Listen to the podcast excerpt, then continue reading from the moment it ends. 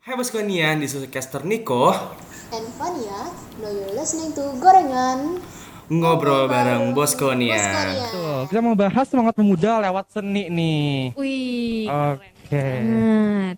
Nah, kalau talk show kan nggak mungkin kita berdua doang ya. Iya, pasti ada bintang tamunya. Siapa tuh Van bintang tamu kita Nah, Van? bintang tamu kita kali ini di Universitas Multimedia Nusantara atau UMN dengan jurusan Desain Komunikasi Visual. Sekarang dia semester 7. Siapa lagi kalau bukan Kak Deana Kizia. Halo Kak Dea. Halo Kak Dea. Hai Kabarnya Kak. Dea sehat? Sehat-sehat, baik. Oke.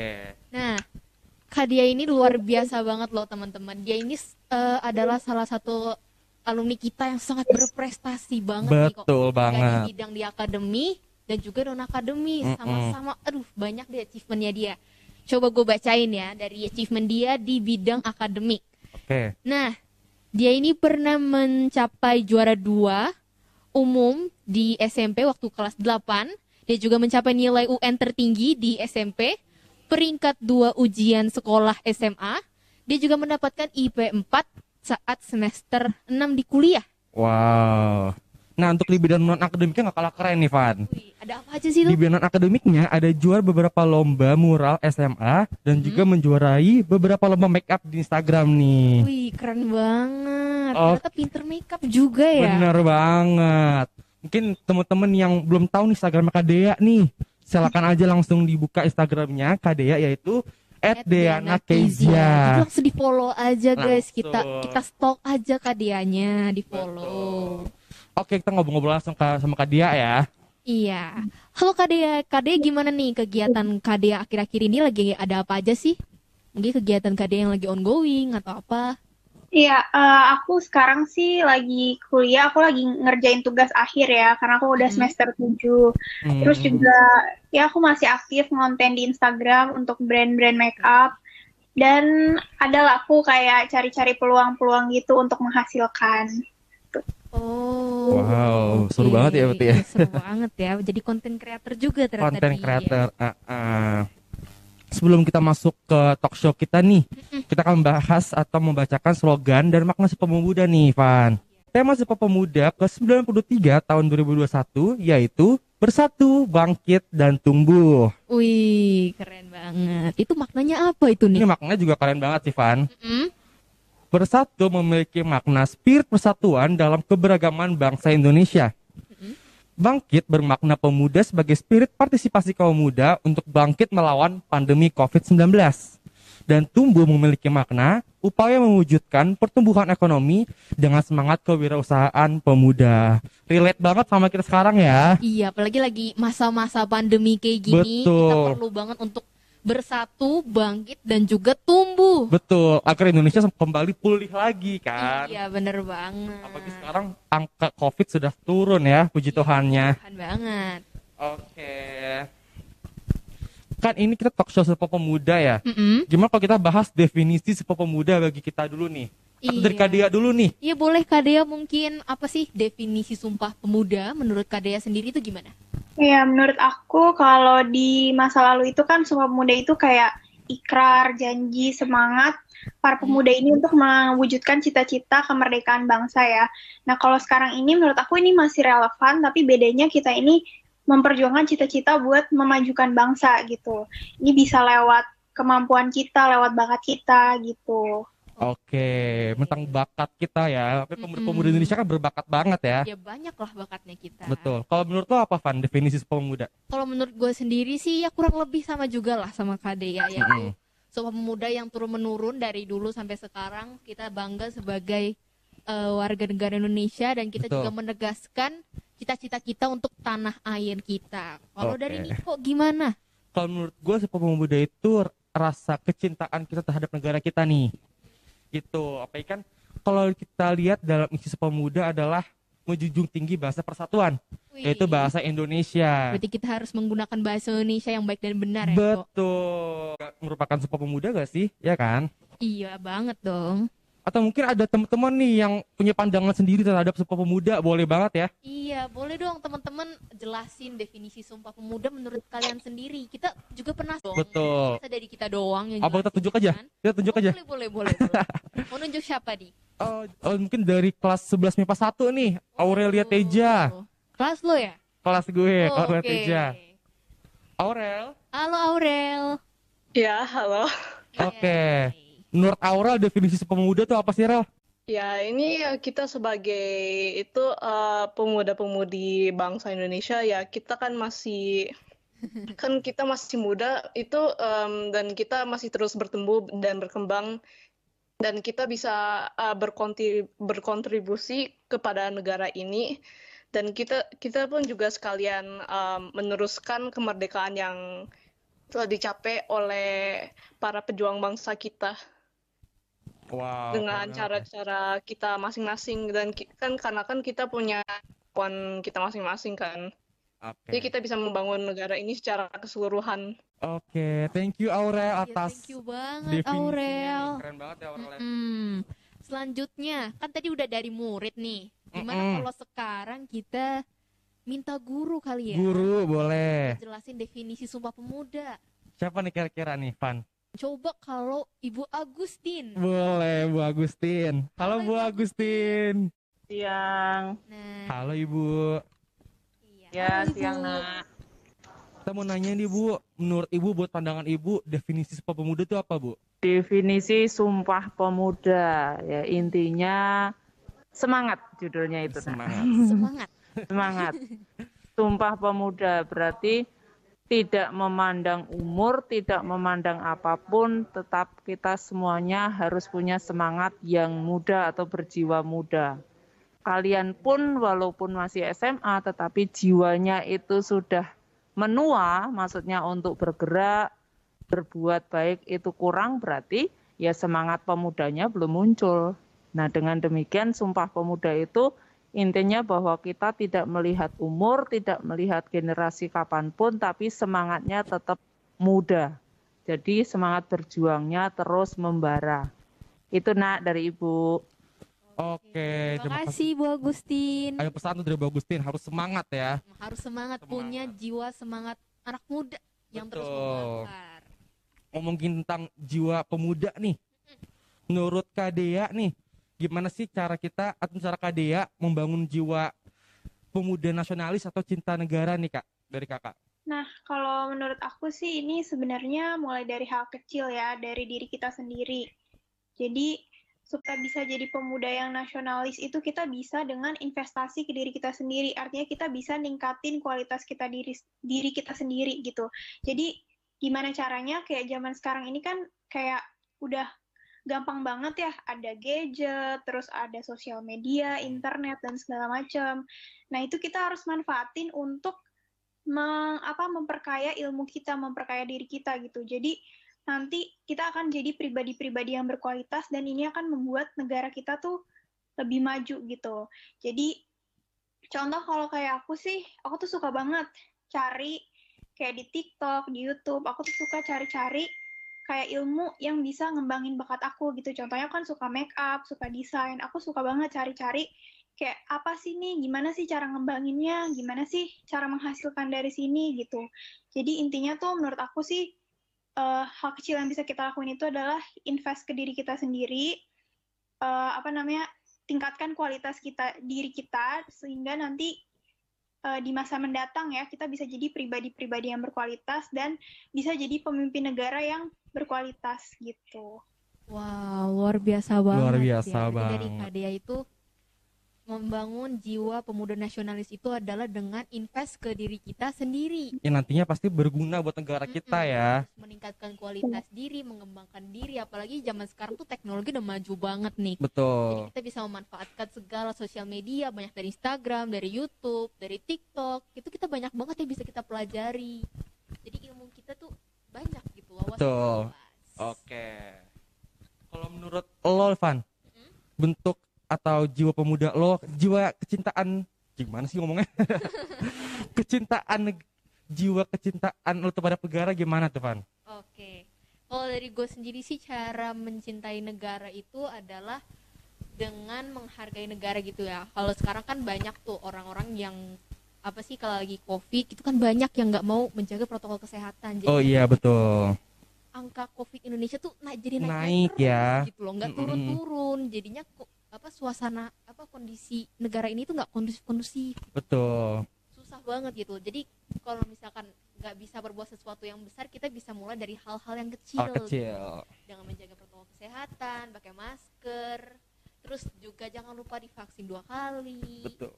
kalau dari Niko sendiri gimana Kalau menurut gue apa hayo bangga menggunakan produk-produk Wah, itu juga penting Indonesia. banget Itu penting banget Heeh, loh. penting banget Apalagi banyak yang bilang bahwa produk Indonesia itu ah kalah lah sama yang luar. Hmm. Nah, enggak juga loh. Sekarang udah bagus banget kualitasnya eh, baju-baju atau mungkin sepatu karya anak bangsa tuh Iya, keren-keren ya banyak Van ya. banget sekarang gitu loh apa Nggak usah malu ya. lokal gitu kan Ah, tuh banyak ah. orang yang terlalu bergengsi nggak sih Mm-mm, maunya Jadi yang pengennya pakai merek-merek luar aja biar keren betul. Terus sebenarnya pakai produk lokal lebih keren lagi. Bener. Itu juga ada yang lebih murah ya. Iya lebih murah. Lebih murah. Produk sendiri lagi. Betul. Membantu UMKM juga kan. Iya betul Uh, banget. Keren banget ya udah. Oke, kita kan ini kita ngundang Kadea bukan ada eh bukan karena tidak ada eh, sesuatu nih. Mm-mm. Kadea ini kan salah satu konten kreator yang bergerak di bidang seni ini. Iya. Kalau menurut Kadea pandangan Kadea terhadap seni itu apa sih Kak? Eh, kalau menurut aku seni itu tuh bener-bener sesuatu yang udah nggak bisa terlepas dari hidup kita. Bener-bener ada hampir di seluruh aspek kehidupan kita tanpa kita sadari loh. Kayak contoh nih benda terdekat aku nih ada casing handphone aku. Nah ini tuh ada gambarnya ini aja udah seni gitu. Terus misalnya kalian pakai baju ada motifnya ada warnanya itu udah seni. Jadi menurut aku seni itu bener-bener ada di seluruh kehidupan kita dan udah nggak bisa terlepaskan lagi dari hidup kita gitu. Jadi bener-bener dia nggak cuma punya fungsi estetik doang tapi juga bisa untuk komunikasi pokoknya benar-benar sangat uh, ada di seluruh kehidupan kita gitu Oke. Berarti seni itu bahkan seni itu banyak banget ya Van ya. Ada apa aja tuh Van? banyak Seni itu. banget. Seni tuh zaman sekarang tuh banyak banget gak cuman kayak oh kalau lo pinter seni tuh lo pasti pinter gambar. Gambar. Itu gak cuman itu doang. Oh, ah. Ternyata banyak banget ada seni musik, seni teater atau seni acting gitu, terus Betul. ada seni busana, terus ada apa lagi nih? Eh, seni wayang seni juga ya. Iya seni juga itu seni kebudayaan Indonesia. Betul, membatik itu juga seni ya kan. Hmm, karena seni itu sendiri juga kalau dari pandangan gue itu seni itu adalah cara kita mengekspresikan diri kita lewat karya-karya seni itu. Betul. Jadi orang bisa ngerasain emosi kita gimana nih lewat karya-karya kita. Apalagi kayak misalkan contoh lewat seni musik gitu ya bikin lagu, Mm-mm. kita lagi sedih terus kita tempahin ke lagu jadinya orang tuh kayak ngerasain gitu apa yang kita rasain. Betul. Ada empatinya gitu. Karena kadang kan manusia tuh nggak bisa ngertiin perasaan kita, tapi seni bisa ya. Mm-mm, bener banget. Bener banget. Seni juga nggak pernah terlepas dari kehidupan kita di mana-mana tuh ada seni gitu loh. Betul. Kalau menurut gua nih pandangan seni itu menurut gua eh apa ya? Gua kalau kan gua kan orang yang bergerak di bidang seni mungkin seni suara atau nyanyi ya. Di bidang seni itu bener-bener meningkatkan rasa percaya diri gua sih. Wih, keren banget tuh. Apa ini kita MC bisa bilang seni gak sih? Oh, iya gak sih? Bisa dong. Speaking kali. Itu meningkatkan sangat meningkatkan rasa percaya diri kalau menurut gua ya. Mm-mm. Jadi itu berguna banget seni itu. Iya, Kalau mungkin dari banget. temen-temen nih ada punya pandangan sendiri terhadap seni, boleh banget nih. Eh, saya mau kak. Oh, Charlie. Halo. Halo Charlie. Charlie mau. Iya. Iya. Oke, menurut Charlie nih, pandangan Charlie terhadap seni itu apa Charlie? Em, ya kalau menurutku sih ya seni itu sesuatu yang mencerminkan diri kita sendiri atau mencerminkan suatu hal. Tapi mencerminkannya itu bisa dalam berbagai hal, bisa suara, bisa gambar, sesuatu yang bisa didengar atau dilihat, bisa dalam bentuk apa pun yang mencerminkan diri kita atau suatu hal. Oke, thank you Charlie. Iya, thank you banget loh ya. Oh, ada mau ada mau ngomong lagi nih. Ada mau sharing lagi nih. Iya, aku, aku mau sharing kak. Roberto, Iya. boleh? Hai Roberto. Oke, em, ya. Jadi menurut aku seni tuh mirip-mirip kayak bumbu sih. Eh, dunia sebetulnya tanpa seni, eh, seni-seni yang nggak esensial sih. Kalau untuk baju dan eh, hal-hal seperti Gucci dan lain-lain itu pasti esensial seninya. Tapi lebih ke seni nggak esensial seperti gambar dan musik. Sebetulnya dunia bisa berjalan tanpa itu. Tapi saya ibaratin dengan bumbu karena eh, coba deh nasi goreng tanpa bumbu, enak nggak kira-kira? Jadi hidup itu nggak nggak seru kalau nggak ada seni. Makanya aku ibaratin sebagai bumbu. Oke, nggak seru ya kalau tanpa seru, seni. nggak berwarna ya mungkin ya. Warna, nggak bervariasi Oke. ya. Oke. Kita balik ke dia lagi nih kak. Mm-mm. Eh, kalau kakak ini bergerak seni itu apa kak? Kakak sedih apa nih kak? Seni-seni yang biasanya kakak lakuin tuh ada apa aja? Karena tadi ada makeup, terus ada apa lagi tuh kak? Mungkin kakak boleh cerita banyak, boleh loh kak. Oh iya, jadi aku tuh emang udah dari mungkin dari brojol kali ya udah suka seni gitu. Soalnya dari Dari brojol. soalnya dari dari dari dari aku ya? playgroup TK itu aku udah emang udah gambar-gambar gitu. Dulu aku sering banget ikut lomba gambar mewarnai itu sering banget. Mm-mm. Waktu TK ya hampir setiap minggu pasti aku ikut. Terus habis itu begitu masuk ke SD tuh agak berkurang gitu sih. Agak berkurang gambar-gambarnya. Terus pas masuk SMP ternyata aku ketemu sama fotografi. Terus aku suka Hmm. nih sama fotografi. Hmm. Terus juga di SMP aku itu dulu ada desain grafis. Nah, aku Wih. akhirnya juga tertarik nih sama desain grafis. Hmm. Jadi aku udah mulai ke fotografi sama desain grafis, mulai yang digital-digital gitu. Terus akhirnya waktu SMA itu aku eh, ikut pentas seni. Aku jadi salah satu koordinator bidang dekorasi dan juga desain gitu. Jadi kalau kalian tahu namanya dulu Arcofest. Nah, Iya. di situ tuh aku bener-bener apa ya belajar sambil melakukan gitu. Jadi aku di situ harus ngedesain sambil belajar juga gitu. Akhirnya jadi itu bener-bener ngembangin apa yang kemampuan aku di desain gitu. Terus akhirnya waktu kuliah aku milih kuliah desain. Mm-mm. Di kuliah desain ini juga kita kepake semuanya gitu. Ada gambar, ada apa fotografi, ada desain semuanya tuh ada. Terus juga akhirnya ya aku nemuin kayak yang paling aku suka sekarang itu adalah make up gitu Mm-mm. terutama makeup art.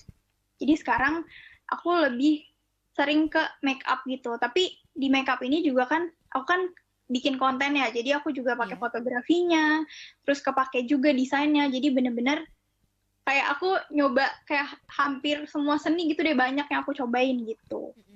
Oke, itu tentang kak cerita tentang kak Dia nih. Mm-mm. Tadi kan kakak ngomong tentang make up juga ya, apa namanya? Iya. Make up art ya. Iya. Nah, kakak kenapa sih kak eh, di, untuk di Instagram ini memilih make up art kan kak? Iya. Kan di sini ada banyak nih selain Mm-mm. eh, make up art tadi, kakak kenapa milih make up Mm-mm. art? Kalau desain grafis gitu kan bisa aja gitu, upload Betul. upload ilustrasi gitu. Atau Mm-mm. mungkin kak dia suka ilustrasi juga atau desain grafis aja gitu.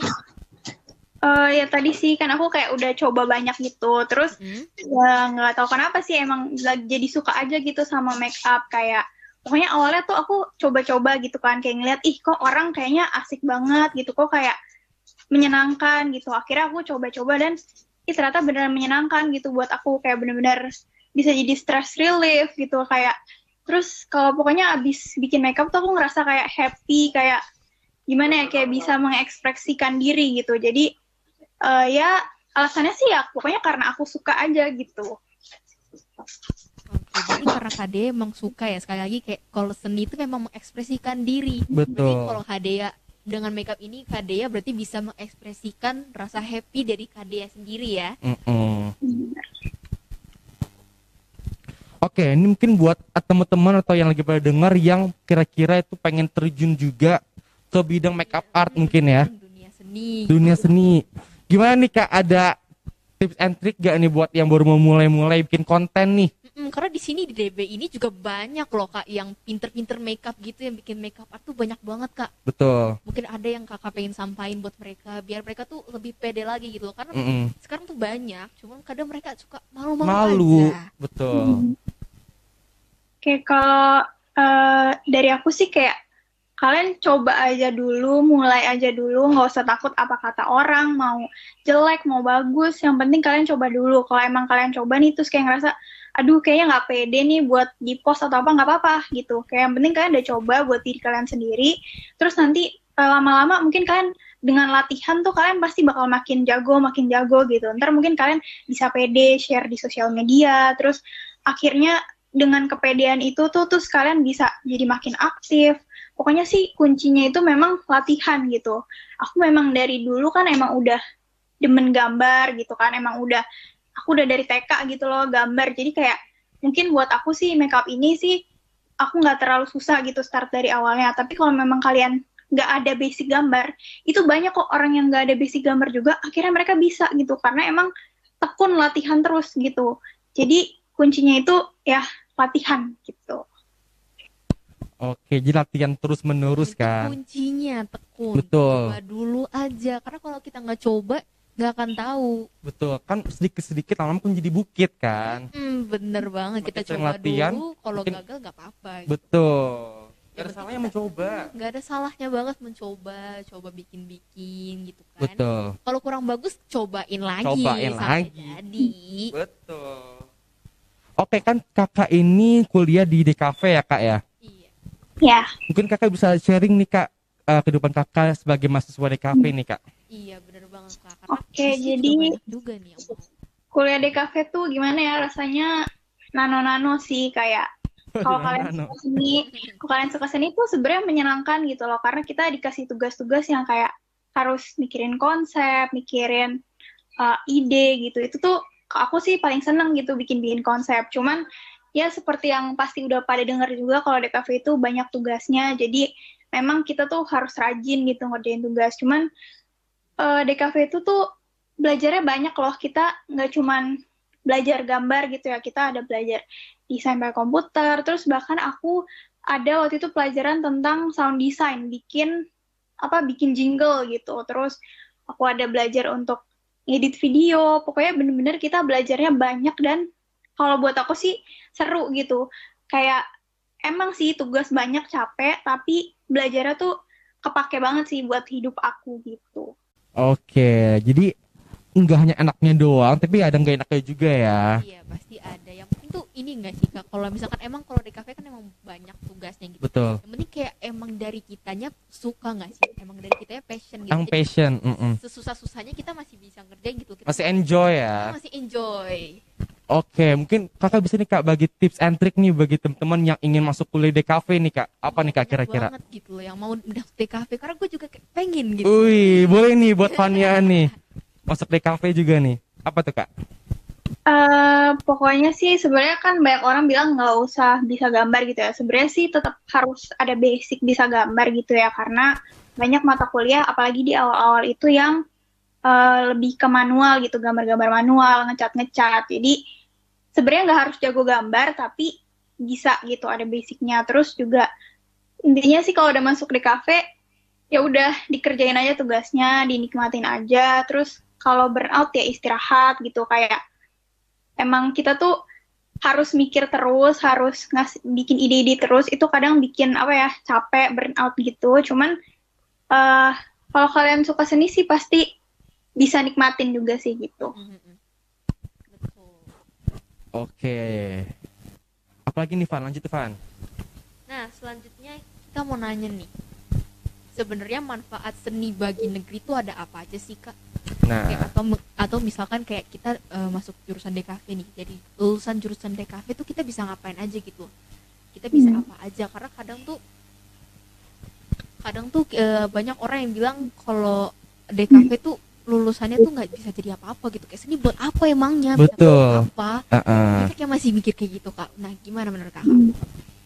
Kayak kalau menurut aku manfaat seni itu ada buat diri sendiri, ada juga untuk kayak secara luas gitu ya. Kalau buat diri sendiri yang tadi kayak kesenangan pribadi, terus buat ngekspresiin diri gitu, kayak kepuasan diri gitu.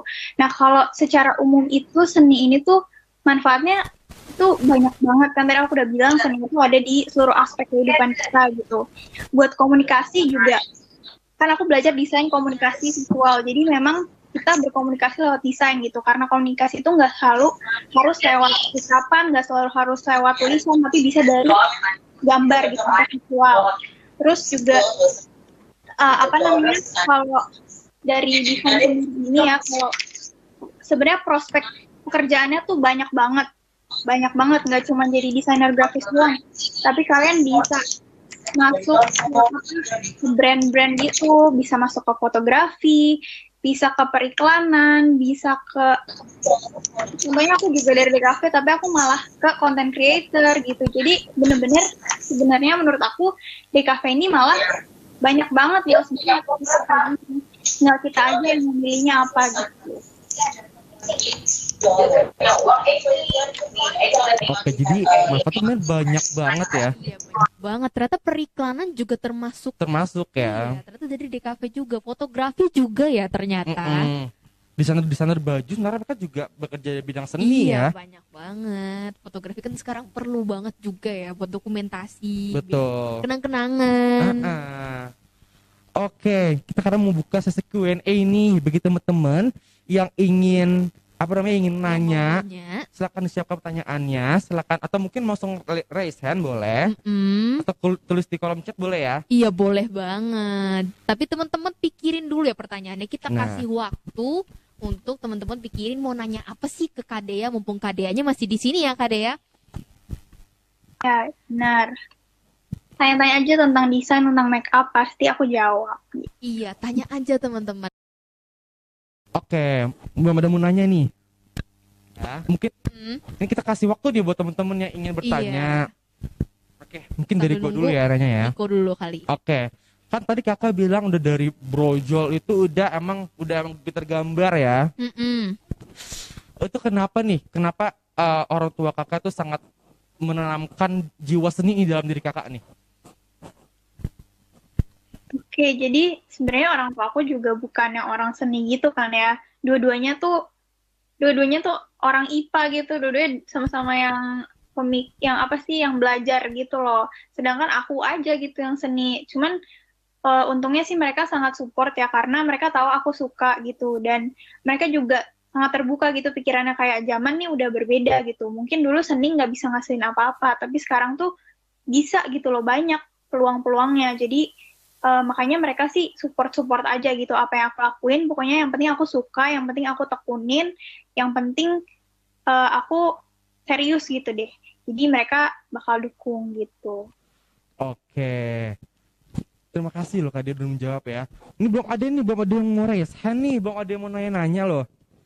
Ini se- eh, sekali seumur hidup kali ya. Salah Kadea seumur loh ini. hidup ketemu Kadea. Oh, ada Bu Danti yang mau nanya? Ya, terima kasih Bu Fania. Bu dan. Niko. Oke, terima kasih Fania dan Niko. Eh, sebelumnya selamat ya untuk Diana, sukses untuk Diana, Ibu bangga lu- alumni Don Bosco sudah sukses. Eh, yang ingin Ibu tanyakan, kan Diana tuh eh, lebih fokus ke dunia make up ya. Make up art dan make up biasa itu sebetulnya sama atau berbeda?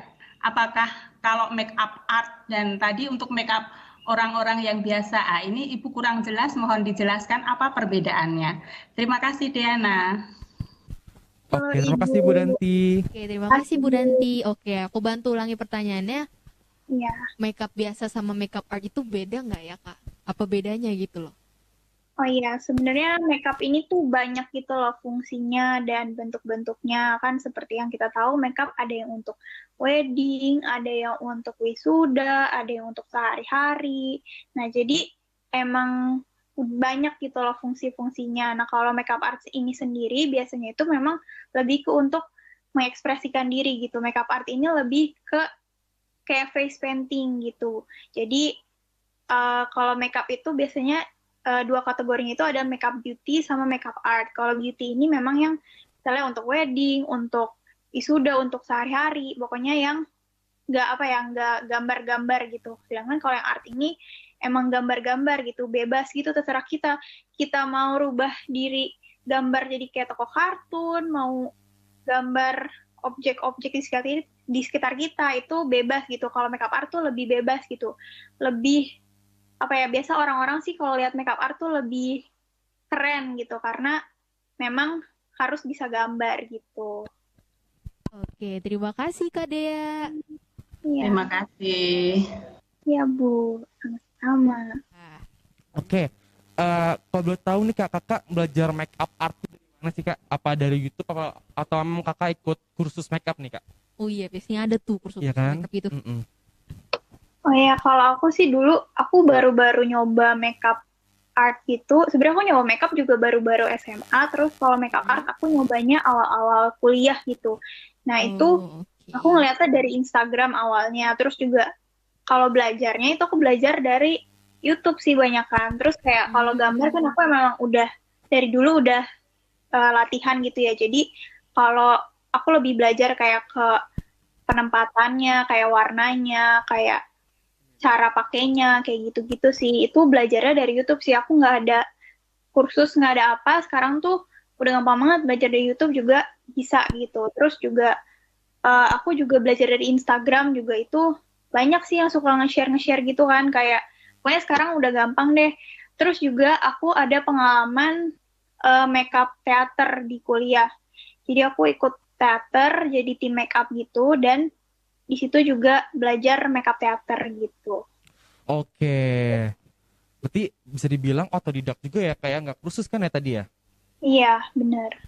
Oke. Karena makeup sih nggak nggak terlalu perlu kecuali kayak buat wedding gitu mungkin ya Oh. perlu untuk uh, kursus ya. Tapi kalau untuk kayak makeup yang hobi gitu, makeup sehari-hari sih lewat otodidak juga bisa gitu. Iya, karena kan kalau daily gitu lebih simple ya, Kak.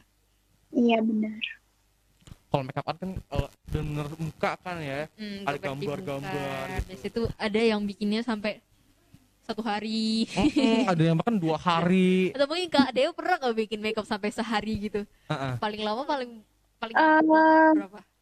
Paling lama aku berapa ya 12 jam atau lebih gitu. Wah, Waduh, 12 jam. pegel tuh pasti tuh.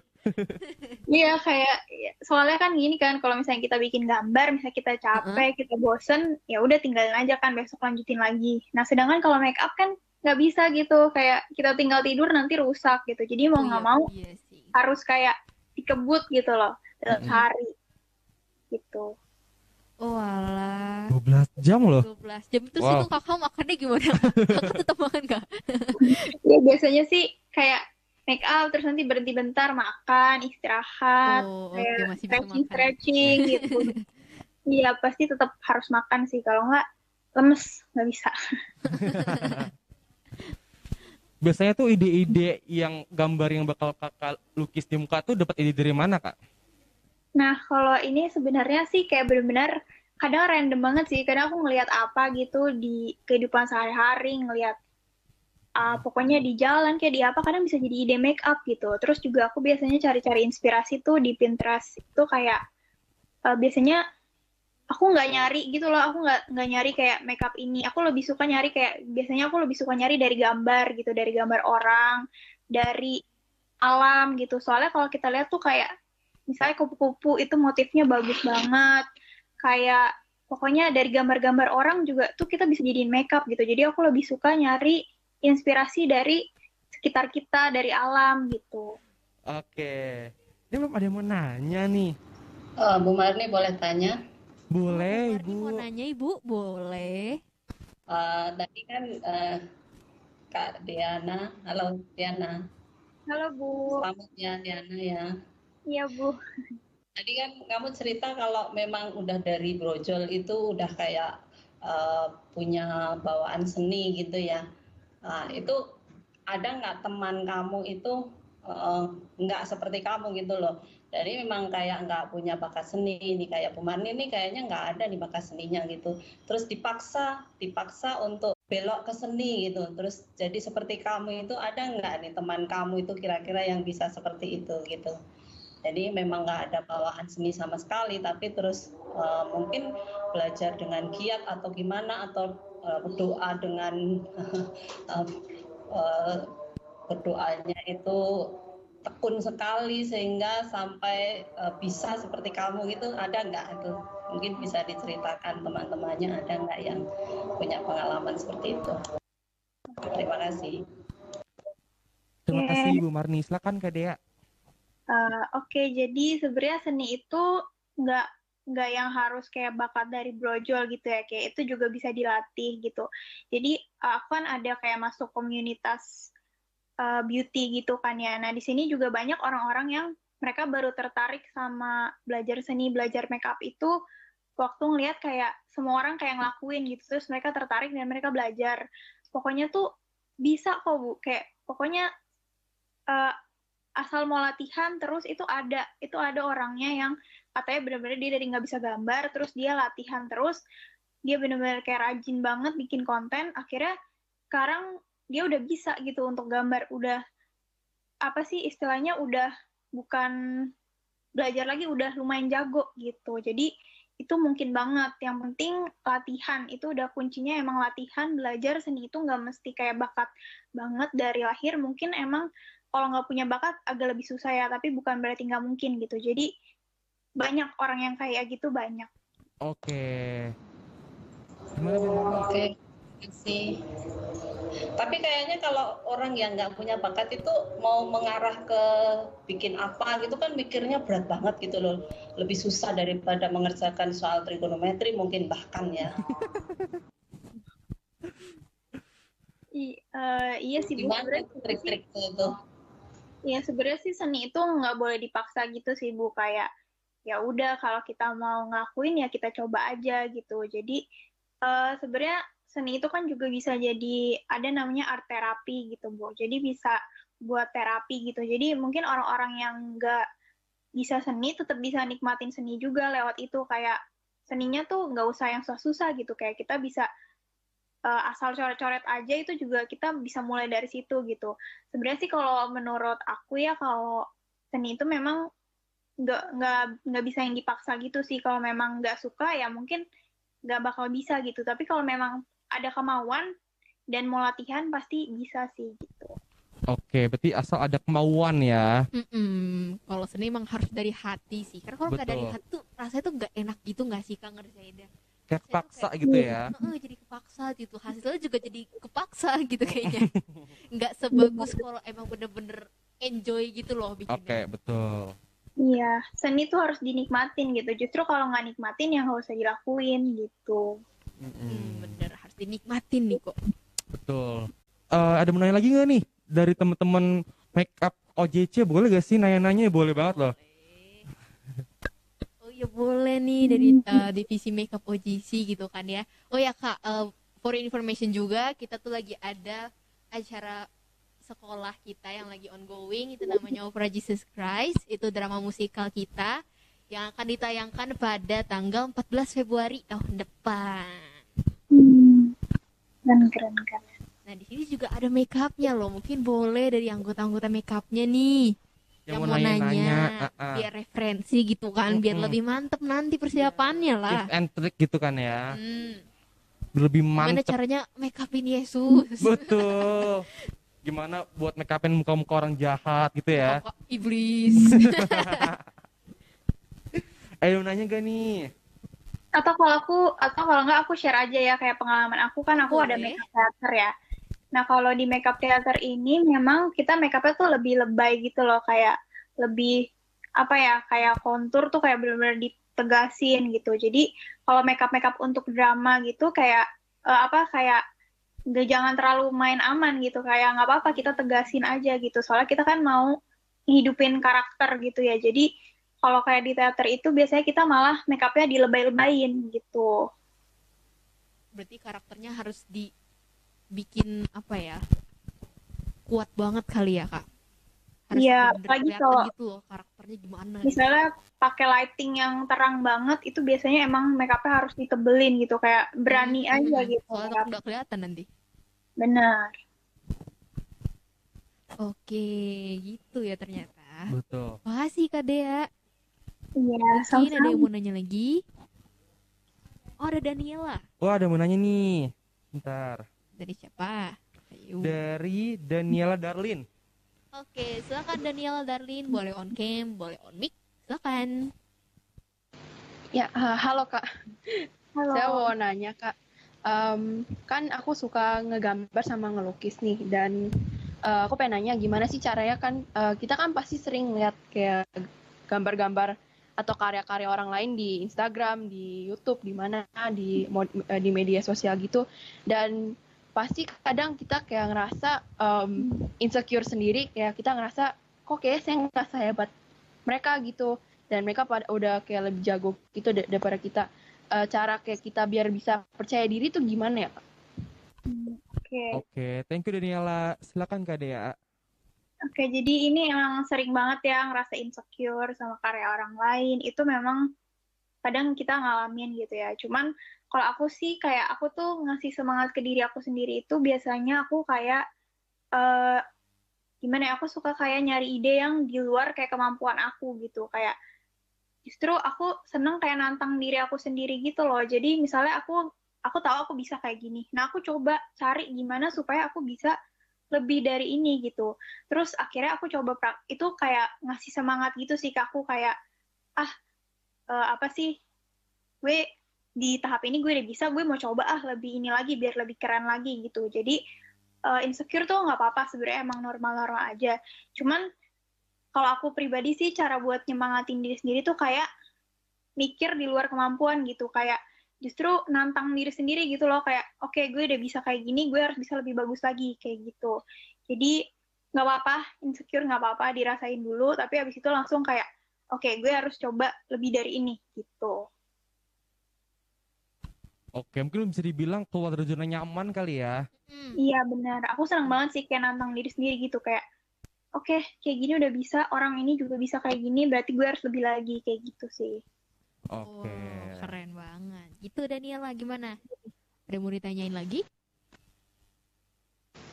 Eh, nggak ada sih kak, thank you kak.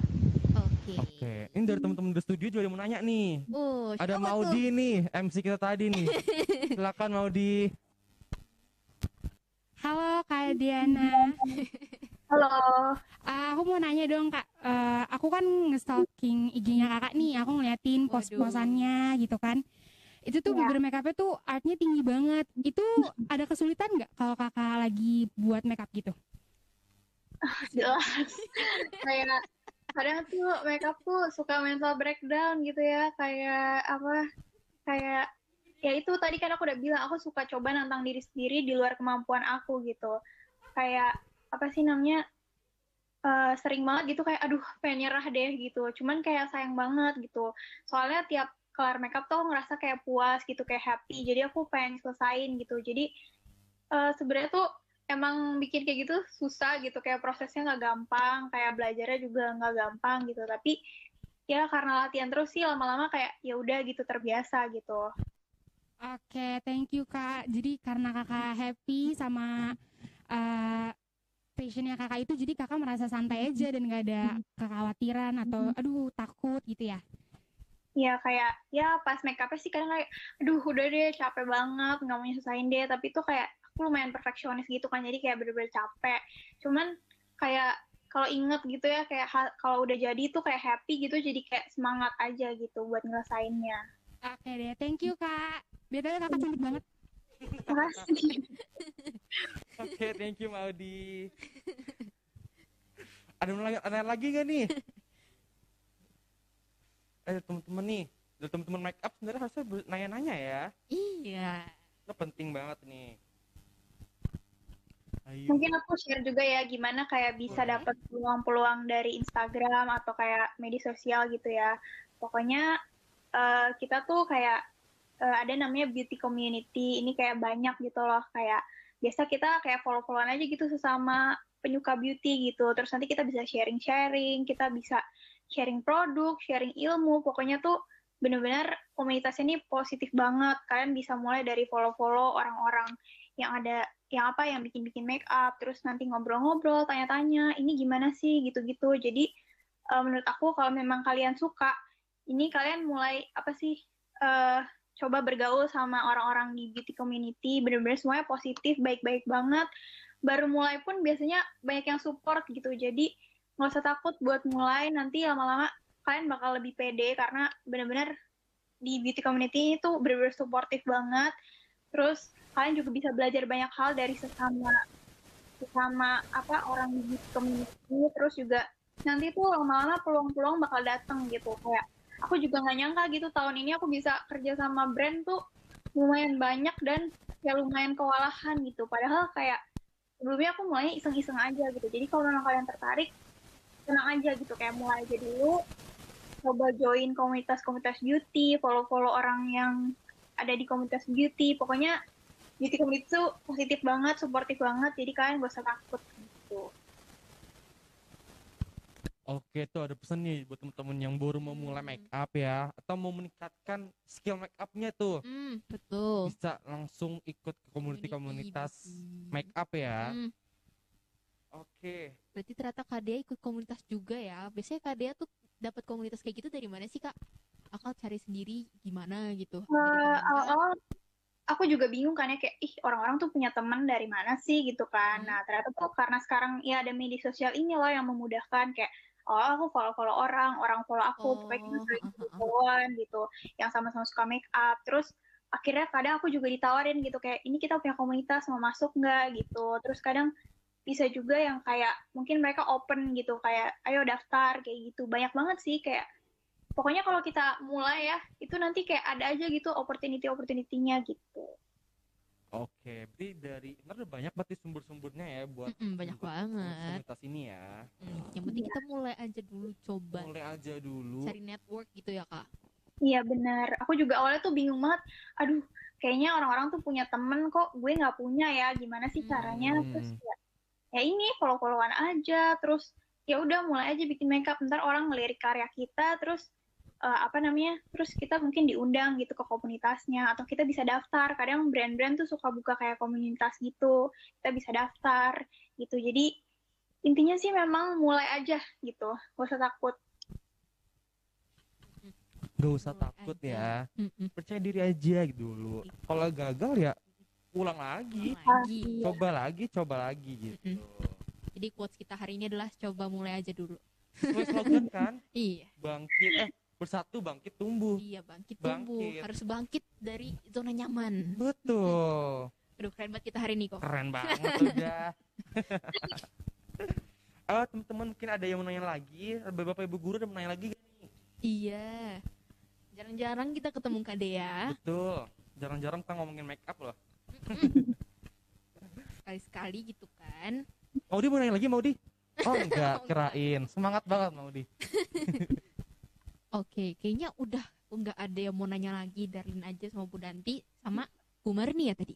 Iya, betul. Terima kasih yang udah mau nanya untuk Dea. Kita langsung tutup aja mungkin ada kata-kata terakhir dari Kak Dea sebelum kita talk show-nya. Motivasi-motivasi mungkin ya. Kata-kata mutiara. Betul. Oke, eh, pokoknya mungkin banyak orang yang mandang remeh seni gitu ya. Kayak, pokoknya kalau memang kalian diremehkan apa atau kayak dibilang seni itu nggak menghasilkan, itu ya nggak usah pikirin gitu. Kayak, pokoknya zaman sekarang tuh apa pun yang kita suka itu bisa jadi kesuksesan kita gitu. Jadi, eh, jangan terlalu dengerin omongan orang gitu. Pokoknya fokus aja sama prosesnya, coba aja dulu. Pokoknya kalaupun nanti kita nggak apa kita nggak nggak di bidang seni gitu juga nggak apa-apa. Yang penting kita sekarang fokus ke ningkatin kualitas diri kita. Kita punya bakat apa, kembangin gitu. Pokoknya yang namanya belajar, yang namanya berproses itu nggak akan sia-sia gitu. Hasil kita nggak usah terlalu mikirin hasilnya dulu deh. Kita nggak terlalu nggak usah terlalu mikirin kayak apalagi masih di usia kalian ini nggak perlu terlalu mikirin gitu. Nanti ini bisa menghasilkan nggak ya? Yang penting tuh sekarang lebih mikirin eh, gimana cara buat ningkatin kualitas diri, gimana caranya buat ngembangin bakat gitu. Jadi gak usah mikirin hasil, yang penting mikirin proses dulu dan semangat terus coba eh, mulai aja dulu, jangan takut sama kata orang. Pokoknya coba aja dulu gitu. Oke, terima kasih Kak Dea atas motivasinya, atas waktunya untuk datang ke talk show kita nih ya. Iya, berarti hari ini yang kita dapatkan dari talk show hari ini adalah kita harus coba mulai dulu. Jangan Coba takut. mulai dulu. Karena zaman sekarang tuh kita harus fokus ke diri kita sendiri gitu. Betul. Tujuan kita itu adalah untuk meningkatkan kualitas diri, mengembangkan bakat yang udah Tuhan kasih. Betul. Jangan kebanyakan mikirin kata orang, ah lo kayak gitu doang masa nggak bisa sih. Jangan overthinking ya. Overthinking mulu. Udah Betul. coba aja dulu. Hasilnya mah belakangan aja. Mungkin eh, kakak nih bisa share nih eh, sosial, sosial, sosial media sosial media kakak nih ke teman-teman nih. Hmm, mungkin kakak punya YouTube kan tadi? Boleh di-share biar pada subscribe teman-teman di sini. Betul. Biar makin banyak gitu kan subscribernya. Betul. Eh, enggak sih aku sekarang kayak masih fokus di Instagram soalnya di Instagram aja tuh cukup berat gitu. Kayak aku udah dapet tawaran banyak brand gitu. Jadi aku masih fokusnya di Instagram. Aku ada TikTok sih tapi emang belum dikembangin. Jadi kapan-kapan aja gitu. Kalau emang mau belajar makeup aku sering share sih di Instagram juga. Aku sering share kayak produk-produk terus eh, cara-cara teknik gitu. Jadi boleh follow gitu. Jadi langsung di follow aja ya. Langsung stalking aja ya, kayak Maudit ini stalking ya. Mm. Kayak kalau malu nanya di sini bisa nanya di DM juga nggak apa-apa Nah, Bisa di boleh. DM ternyata. Silahkan teman-teman. Kalau nanti kalau tadi masih ada yang ragu-ragu mau nanya, aduh malu deh nanya langsung di Teams, boleh lah DM ka- at Diana Kizia, langsung di follow aja. Langsung. Iya, ternyata di storynya Kadea nih di Instagramnya juga banyak tips and tricks gitu ya. Jadi boleh Betul. dipantengin terus. Kalau mau apa nyari rekomend produk gitu kan produk makeup. Betul. Atau mungkin ide-ide buat make up juga kan. Banyak loh, Kadea tuh banyak banget. Aduh keren banget deh. Keren pokoknya. banget, keren banget. Oke, sekali lagi kita ucapkan terima kasih Kak Dea atas waktunya sudah datang ke talk show kita. makasih juga ya udah ngundang aku semuanya Iya, sama-sama Kak. Sama Kakak. Terima kasih untuk teman-teman yang sudah mendengarkan podcast kita hari ini. Mohon maaf jika ada salah kata dalam penyampaian kami. Saya Niko. Dan saya Fania, kami pamit undur diri. Terima kasih. Disabin gorengan. Have a nice, Have a nice day. Bye-bye. Woo. Woo.